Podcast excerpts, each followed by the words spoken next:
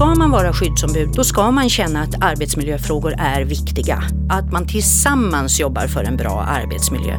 Men man måste faktiskt ha lite skinn på näsan också. För ibland blir man obekväm. Man ställer krav. Arbetsgivaren är lite motvillig, motsträvig, vill inte. Och då måste man våga vara lite obekväm.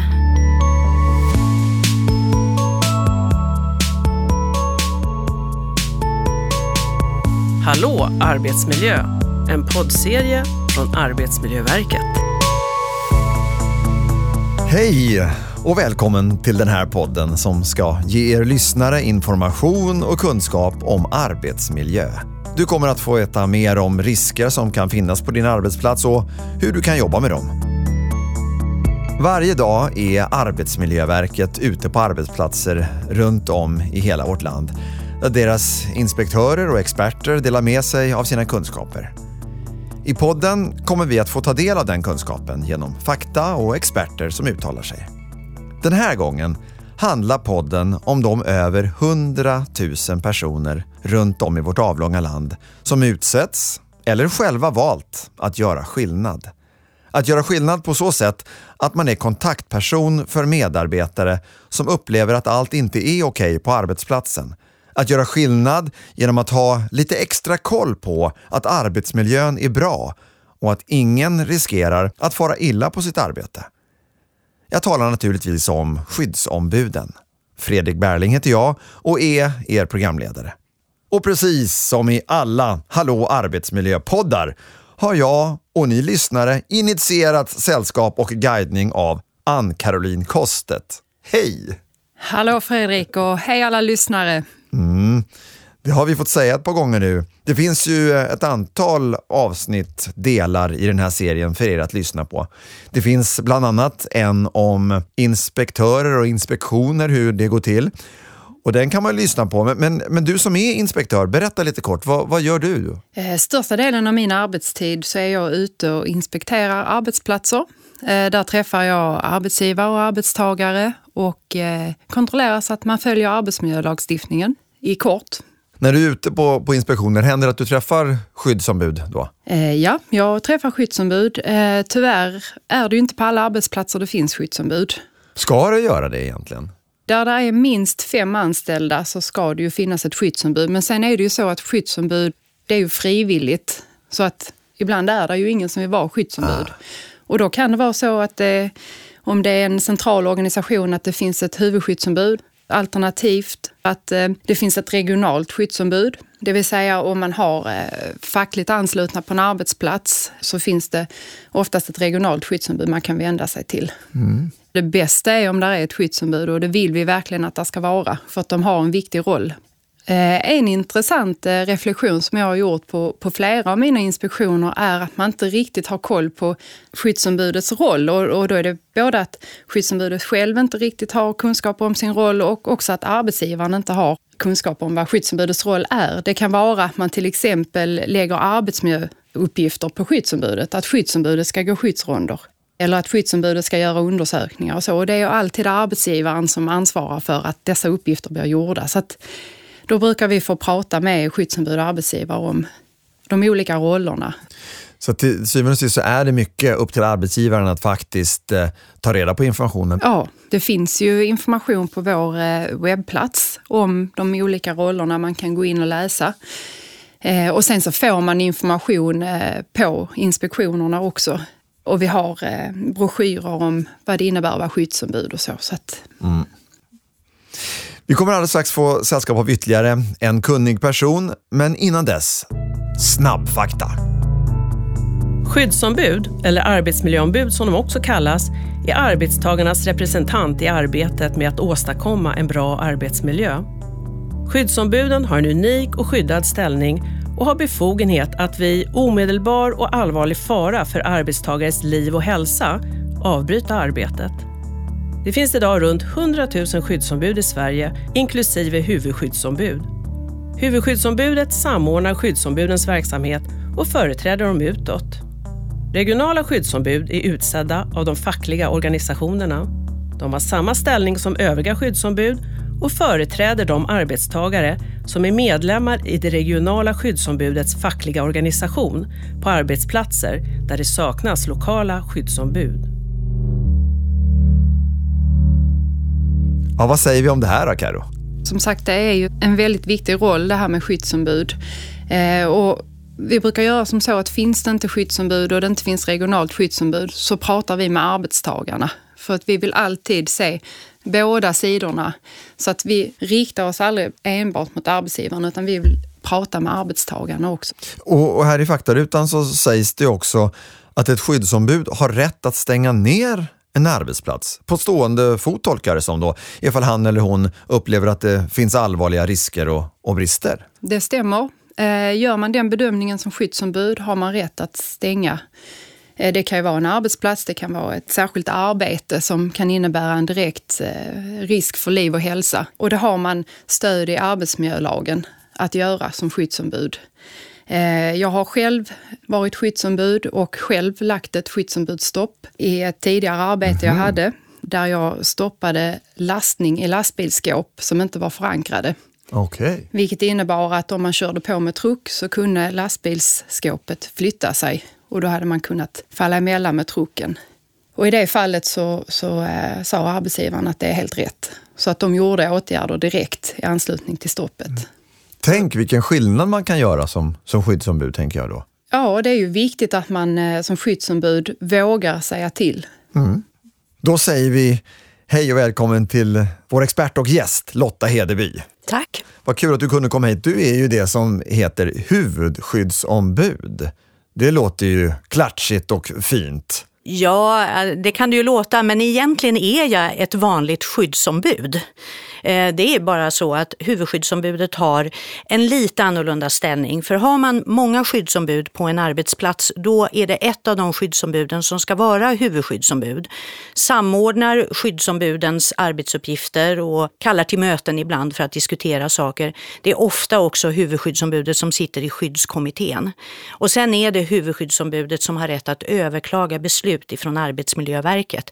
Men i övrigt så har, eh, har jag som skyddsombud ett eget eget skyddsområde. Alla skyddsombud har ett eget skyddsområde och det är liksom, vi har samma rätt som alla andra skyddsombud att göra vad det är som står i lagen, alltså lägga ett skyddsstopp till exempel. Och, och när du säger arbetsplats, betyder det rent fysiskt en arbetsplats? Eller hur, hur, vad menar du där? Det här är ju en av de här sakerna som är lite knepigt eh, okay. faktiskt att förstå när man blir skyddsombud, men faktiskt också lite knepigt för arbetsgivarna. Eh, om jag tittar på där jag jobbar, och jag jobbar på Statens institutionsstyrelse. Det är en statlig myndighet som ansvarar för tvångsvård på LVM-hem och särskilda ungdomshem. Och vi har verksamhet över hela landet. Vi har institutioner över hela landet, från Kalix i norr till Lund i söder. Men huvudkontoret ligger i Stockholm och det är där jag är huvudskyddsombud. Och om man tittar då på en institution, en institution det är en arbetsplats. Men den arbetsplatsen kan vara indelad i olika skyddsområden. Hos oss är det oftast avdelningar på institutionen som är enskilda skyddsområden och kanske även köket och administrativa avdelningen. Och varje sån avdelning ska ha ett skyddsombud. Och sen är det något av de skyddsombuden som är huvudskyddsombud. Ah. Men, men, betyder det att du får eller får inte vara även huvudskyddsombud för någon annan institution i Västerås, Lund, Kalix? Nej, det kan jag inte vara. Nej. För det blir väldigt viktigt, till exempel om man lägger ett skyddsstopp. Jag jobbar på huvudkontoret, jag kan absolut inte lägga ett skyddsstopp på någon institution. Det får jag inte göra. Man ska vara på plats. Ja. ja. Mm. Det låter lite som en, en lagkapten i, i, i, fotboll egentligen. Ja, lite så är det ju faktiskt. Mm.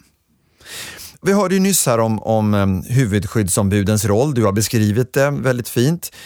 Kan du berätta lite mer om vad det, vad det ni gör på vardagarna? Ja, jag ser det ju som att man ska vara lite grann av ögon och öron åt arbetstagarna. Det är mm. liksom det. Jag ska väl säga det också att jag är ensamt huvudskyddsombud på SIS huvudkontor. Så jag har hela huvudkontoret som mitt skyddsområde. 170 ungefär medarbetare. Eh, jag rör mig på huvudkontoret och så kan jag ju se saker som inte fungerar. Till exempel att vi har en hjärtstartare som sitter väldigt krångligt till så man kommer inte åt den. Eh, då får jag ju informera om att den här måste vi flytta på. Men jag ska ju också vara öron och fånga upp vad som händer och, och vara närvarande så att eh, alla medarbetare kan känna att de kan komma till mig och säga att det här är ett problem, jag har försökt ta upp det med min chef men jag får inte den hjälpen. Kan du hjälpa mig? Känner du igen det här Karo? Ja, det gör jag absolut. Jag tänker, vad är den eh, viktigaste frågan för er? De gamla klassiska, ventilation, Ljus brukar det också vara, men ventilation och buller och ljus. Men sen är det ju arbetsbelastning. Det kan vara eh, otydlig organisation. Eh, det kan finnas många chefer som har lite synpunkter på vad jag ska göra. Alltså inte jag som huvudskyddsombud utan som medarbetare. Och sen har vi också då eh, lite grann mer den eh, sociala arbetsmiljön. Alltså mm. lite kränkningsärenden och så. Man kan säga det att, att på ett, i en kontorsverksamhet, där är det kanske inte så mycket eh, fara för liv och lem som det kan vara i industrin eller för övrigt även på våra institutioner där hot och våld är ett jättestort problem. Eh, utan då är det ju mera det här med den, den dagliga fysiska kontorsmiljön och också det som, som heter organisatorisk och social arbetsmiljö, alltså otydligheter och knepigheter. Utdrag ur Arbetsmiljöverkets webbplats av.se om en arbetstagare eller du som skyddsombud upptäcker risker i arbetsmiljön eller att arbetsgivaren inte följer reglerna om arbetstid tar ni kontakt med arbetsgivaren och ber att riskerna rättas till. Oftast räcker det för att arbetsgivaren ska göra vad som behövs för att arbetsmiljön ska bli bra. Som arbetstagare vänder du dig till ditt skyddsombud om chefen inte agerar. Om denna kontakt inte räcker kan du som skyddsombud behöva använda din rätt att begära åtgärder. Jag, jag tycker att Ska man vara skyddsombud, då ska man känna att arbetsmiljöfrågor är viktiga. Mm. Man ska också förstå att arbetsmiljölagen bygger på samverkan. Det handlar om att komma överens med arbetsgivaren, att man tillsammans jobbar för en bra arbetsmiljö. Men man måste faktiskt ha lite skinn på näsan också. För ibland blir man obekväm. Man ställer krav. Alltså arbetsgivaren är lite motvillig, motsträvig, vill inte, kostar pengar, blir jättebesvärligt eller vad det nu är för någonting. Ja, kan störa också vissa saker kan störa i, i och så, va? Ja, kanske. precis. Och då måste man våga vara lite obekväm. Och sen så tycker jag också att det är viktigt då att arbetsgivaren är väldigt tydlig med att man vill ha skyddsombud. Att man tycker att det är viktigt med skyddsombud. Mm. Innan vi går över på att prata om, mer om, om just skyddsombud så vill jag bara kolla med dig som huvudskyddsombud. Är det så att det är ditt yrke, det, det, det du gör eller har du ett vanligt jobb också där på SIS? Absolut, det har alla som är skyddsombud. Jag är kommunikatör, så jag jobbar på kommunikationsavdelningen. Så man hinner med både och? Ja, man ska ju alltså, lagen säger att eh, arbetsgivaren ska se till att eh, skyddsombudet ska få ta den tid som krävs för uppdraget. Eh, och det här får man ju komma överens med sin egen chef om. Man vet ju till exempel redan att eh, ja, det finns skyddskommitté, till exempel möten inplanerade under året. Så det är ju liksom planerad tid, den vet man ofta i förväg. Sen löpande arbete, det kan ju vara då att man blir kallad till en riskbedömning som ingen har vetat om i början av året. Eller att det inträffar något annat, liksom sådär som man måste läsa in sig kanske på material. Eh, och den tiden får man då komma överens med sin chef om att jag, jag får ta den tiden. Och sen är det ju då, skulle det inträffa något akut på arbetsplatsen, då blir ju det akut tid. Då måste man, då kanske man inte hinner prata med sin chef, men man måste vara där och liksom då är det 100 procent. Mm, så det, det, det, kan variera Det varierar väldigt mycket och det får man diskutera med sin chef. Och då är det ju viktigt det här med att, att arbetsgivaren i alla led alltså eh, förstår vikten av att skyddsombudet får den här tiden. Så eh, engagemang, våga vara obekväm eh, och sedan att man får utbildning. Tid och kompetens är jätteviktigt för att man ska kunna utföra sitt uppdrag som skyddsombud. Mm. Där sa du något viktigt där med just utbildning, att det är viktigt att man får rätt förutsättningar för sin roll som skyddsombud, att man, man får den kunskap man behöver för att kunna förstå vad som åligger en i sin roll som skyddsombud. Och den här, den här informationen och utbildningen som ni pratar om, om man nu är, har blivit skyddsombud, vad, vad är det för någonting man får då? då? Alltså det är en grundläggande kunskap i arbetsmiljöreglerna och, och, en kunskap i vad man har för rättigheter som skyddsombud. Du pratar om skyddsområde till exempel, att man får veta vilket är mitt skyddsområde. Eh, grunden som skyddsombud är ju densamma men det kan vara olika på olika arbetsställen. Mm, och detta ska då ingå i sin 100% arbetstid om man nu jobbar heltid? Ja, alltså när jag blev skyddsombud till exempel så var det så att eh, jag rätt omedelbart diskuterade med vår personaldirektör utbildning. Och det finns ju många företag som erbjuder eh, arbetsmiljöutbildningar. Fackliga organisationer har ju också egna arbetsmiljöutbildningar. Och det var ju självklart att jag skulle få gå en sån utbildning. Så det är ju sällan arbetsgivaren som själv tillhandahåller utbildningen utan det är ju ofta andra som gör det. Men det är viktigt att man får den så tidigt som möjligt eh, så att man eh, inte störtar huvudstupa in i någonting som man inte riktigt vet vad det handlar om. Sen vill jag ju faktiskt också lyfta frågan om arbetsgivarens kompetens på de här områdena ändå faktiskt. För jag eh, känner att ibland så utgår man ifrån att chefer på något självklart sätt kan arbetsmiljölagstiftningen och vilka skyldigheter de har och vad eh, skyddsombud får göra, vad som ingår i uppdraget.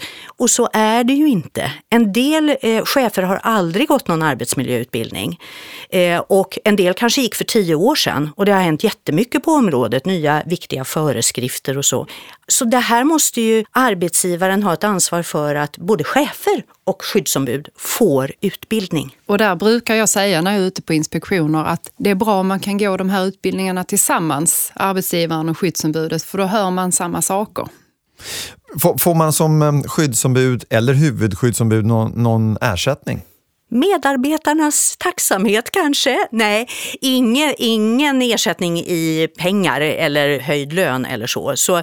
Utan vad man får, tycker jag då, det är ju det här med utbildning, man får kunskap eh, som man har stor användning för.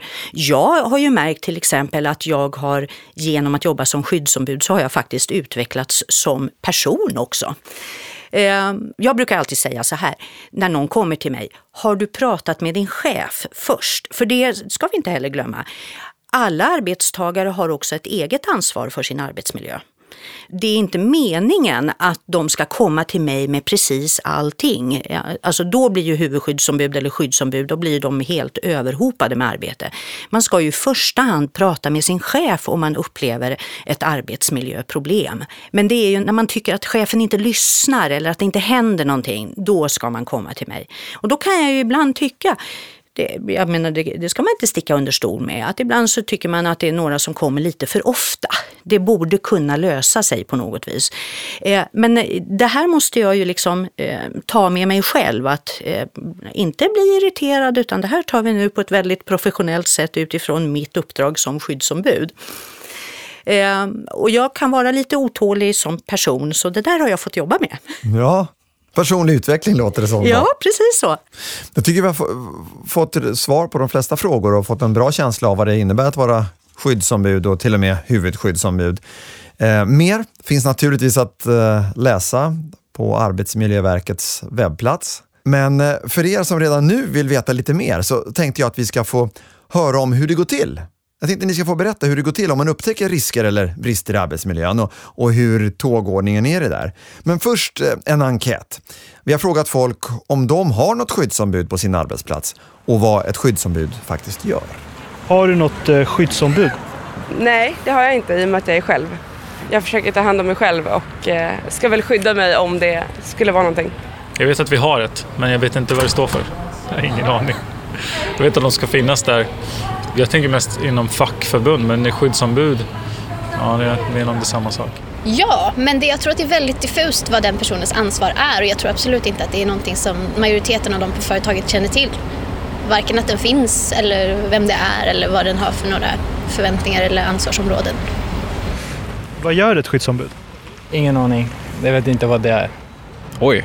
Ser väl till att eh, olika regler följs, skulle jag anta.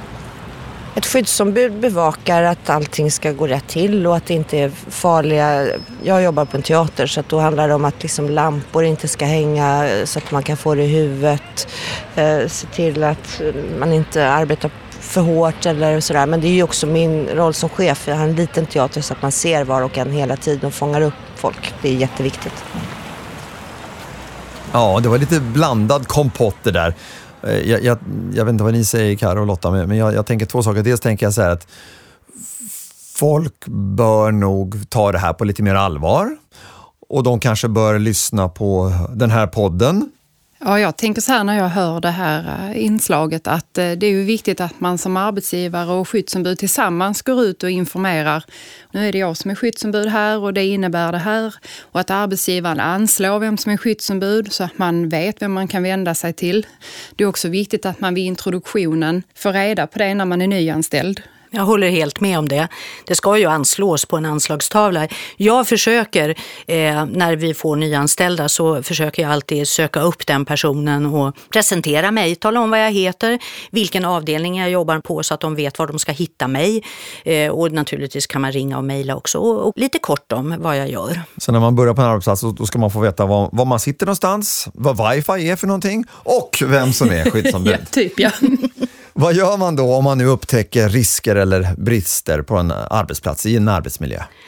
Ja, Arbetsmiljölagen är ju faktiskt ett ganska kraftfullt verktyg för ett skyddsombud ifall man väljer att använda sig av den.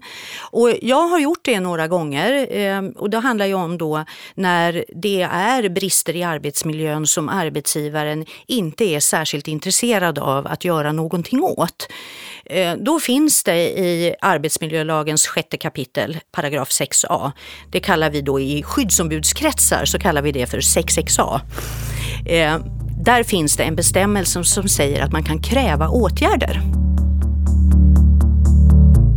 Utdrag ur Arbetsmiljölagen, kapitel 6, paragraf 6a. Om ett skyddsombud anser att åtgärder behöver vidtas för att uppnå en tillfredsställande arbetsmiljö ska skyddsombudet vända sig till arbetsgivaren och begära sådana åtgärder. Skyddsombudet kan också begära att en viss undersökning ska göras för kontroll av förhållandena inom skyddsområdet. På framställning ska arbetsgivaren genast lämna skyddsombudet en skriftlig bekräftelse på att arbetsgivaren mottagit dennes begäran. Arbetsgivaren ska utan dröjsmål lämna besked i frågan. Gör arbetsgivaren inte det eller beaktas inte begäran inom skälig tid ska Arbetsmiljöverket efter framställan av skyddsombudet pröva om föreläggande eller förbud enligt kapitel 7 paragraf 7 ska meddelas. Vad man gör först naturligtvis är att prata med arbetsgivaren och säga att det här problemet har vi, vi måste göra någonting åt det. Fungerar inte det, då får man ta till det här verktyget. Man skriver ett, ett dokument helt enkelt, skriver ner, beskriver problemet och sedan så beskriver man eh, vilka åtgärder man kräver. Och sen lämnar man det till arbetsgivaren, till den som är ansvarig för just den här arbetsmiljön. Det kan ju vara på en avdelning eller det kan vara på hela huvudkontoret i mitt fall då, eller i ett särskilt ärende. Och då har man skrivit så här att jag vill ha svar på det här senast det och det datumet. Och då är beroende på vad det handlar om, så man måste ju ge arbetsgivaren tillräckligt med tid naturligtvis för att komma med svaret. Inte för att åtgärda problemet utan för att svara ja, vi är beredda att göra någonting åt det här. Eller också svarar de nej, vi tänker inte göra någonting. Vill de göra någonting åt det och kanske till och med beskriver vad de vill göra och jag är nöjd med det svaret, då är det bra. Då jobbar vi tillsammans sen för att lösa det här. Men om de säger nej, vi tänker inte göra någonting åt det här eller också svarar de någonting som inte är något svar egentligen, då kan jag vända mig till Arbetsmiljöverket med mm. mina åtgärder. Och vad händer då när den skrivningen kommer till er? Det är ju en del av vår obligatoriska tillsyn, vilket innebär att vi har x antal inspektörer hos oss som jobbar särskilt med de här frågorna. Och vi måste skyndsamt ta ett beslut i en fråga om ett skyddsombud antingen lämnar in, som du beskriver, en 66A eller om man stoppar ett arbete. Så det ingår i vår obligatoriska tillsyn och vi måste ta ställning skyndsamt när vi får in det från skyddsombuden eller arbetsgivaren när det är skyddsombudsstopp. Och sen så oftast åker en inspektör ut eh, och sen kan det ju vara så att inspektören tar beslutet att eh, stoppet ska ligga kvar Ah. eller att det ska hävas. Ehm, och när det gäller 6Xan så är det ju också att man åker ut och man träffar arbetsgivare och skyddsombud och pratar kring de åtgärder då som skyddsombudet har begärt att arbetsgivaren ska göra som då skyddsombudet inte får gehör för. Kan arbetsgivaren säga nej, men nej, det här köper inte jag? Man har ju rätt att överklaga ett beslut Ah. från oss. Men tills det är gjort så gäller ju det beslutet som vi tar. Förbudet ligger under tiden tills frågan avgörs. Jag tänkte också så här, för att eh, i ett sånt här möte mellan arbetsgivare och skyddsombud och Arbetsmiljöverket så kan ju Arbetsmiljöverket säga att de här kraven som skyddsombudet ställer är helt rimliga, vi ser ett Japp. stort behov av dem och så kan de ju göra ett föreläggande. Ni kan ju göra det och säga om ni inte genomför de här kraven inom den här och den här tiden, då får ni betala 100 000 kronor eller något sånt. Precis, och det är det andra alternativet som du tar upp med, med föreläggande. En summa pengar som det kostar om man då inte gör de här åtgärderna. Och skulle man inte göra de åtgärderna inom den tiden vi har satt, då kan det här vitet bli utdömt och så börjar vi om igen. Då blir det ett nytt föreläggande. Okej. Jag kan tänka mig, ibland som, som arbetsgivare så ser det ofta ont om tid. Man ska leverera det man, den tjänst eller den vara som man, som man säljer eller jobbar med. Och hur, hur snabba är ni då på Arbetsmiljöverket att, att handha de här? En överklagande. Ligger det på bordet i en månad så kan man gå i konkurs som arbetsgivare. Eh, När det gäller att överklaga beslut så gör man ju inte det till oss, utan det gör man ju till förvaltningsrätten till exempel, domstol. Just det. Nej. Jag tror att när det gäller eh, mindre allvarliga eh, frågor så tror jag både skyddsombud och Arbetsmiljöverket är pragmatiska. Eh, alltså det, det, man ska ju inte försvåra i onödan för arbetsgivaren att, att ha sin verksamhet igång. Det handlar mera om, tror jag, att arbetsgivaren måste förstå att det här är allvarliga frågor, det här är en lagstiftning man ska följa. Det är nog mera det det handlar om tror jag i de här sammanhangen när man begär åtgärder enligt 6XA till exempel och Arbetsmiljöverket kommer ut. Det blir en väldig tydlighet i att det här är lagstiftning som man är skyldig att följa, precis som med all annan lagstiftning. Hörni, tack för att ni kom. Är det något som ni vill säga avslutningsvis? Något som vi har missat tycker ni? Nej, jag är nöjd. Jag vill bara säga att det är ett otroligt spännande och roligt uppdrag att vara skyddsombud. Och, och jag vill också till er som är arbetsgivare att se skyddsombuden som en tillgång. För att man har ju samma mål på en arbetsplats. Man vill ha det bra, man vill ha en trygg och säker arbetsmiljö. Det vill ju både arbetsgivaren och skyddsombudet. Så att samverkan är jätteviktig. Mm. Vi pratar om att man måste ha mod att göra det, men också känna att man faktiskt har rätten att göra det och att, att, att man spelar roll och är viktig för sig själv och sina kollegor. Inte bara idag och imorgon, utan faktiskt nästa vecka och därefter också. Absolut, jag håller med. Ja, vill ni veta mer om eh, skyddsombud och arbetsmiljörelaterade frågor så kan ni besöka Arbetsmiljöverkets webbplats. Det finns dessutom ett gäng andra poddar i den här Hallå arbetsmiljö-serien att lyssna på. Så tack Lotta för din medverkan och eh, lycka till med ditt fortsatta viktiga arbete på, på SIS. Tack. Och tack Karo Kostet också för den här gången. Och tack till er som har lyssnat såklart. Fortsätt gärna med det. Och kom ihåg, vi bor i Sverige hörni. Det är ju faktiskt 2000 någonting. Och här ska ingen behöva bli sjuk eller skadas. Eller i värsta fall dö av jobbet. Vi hörs igen. Hej hej!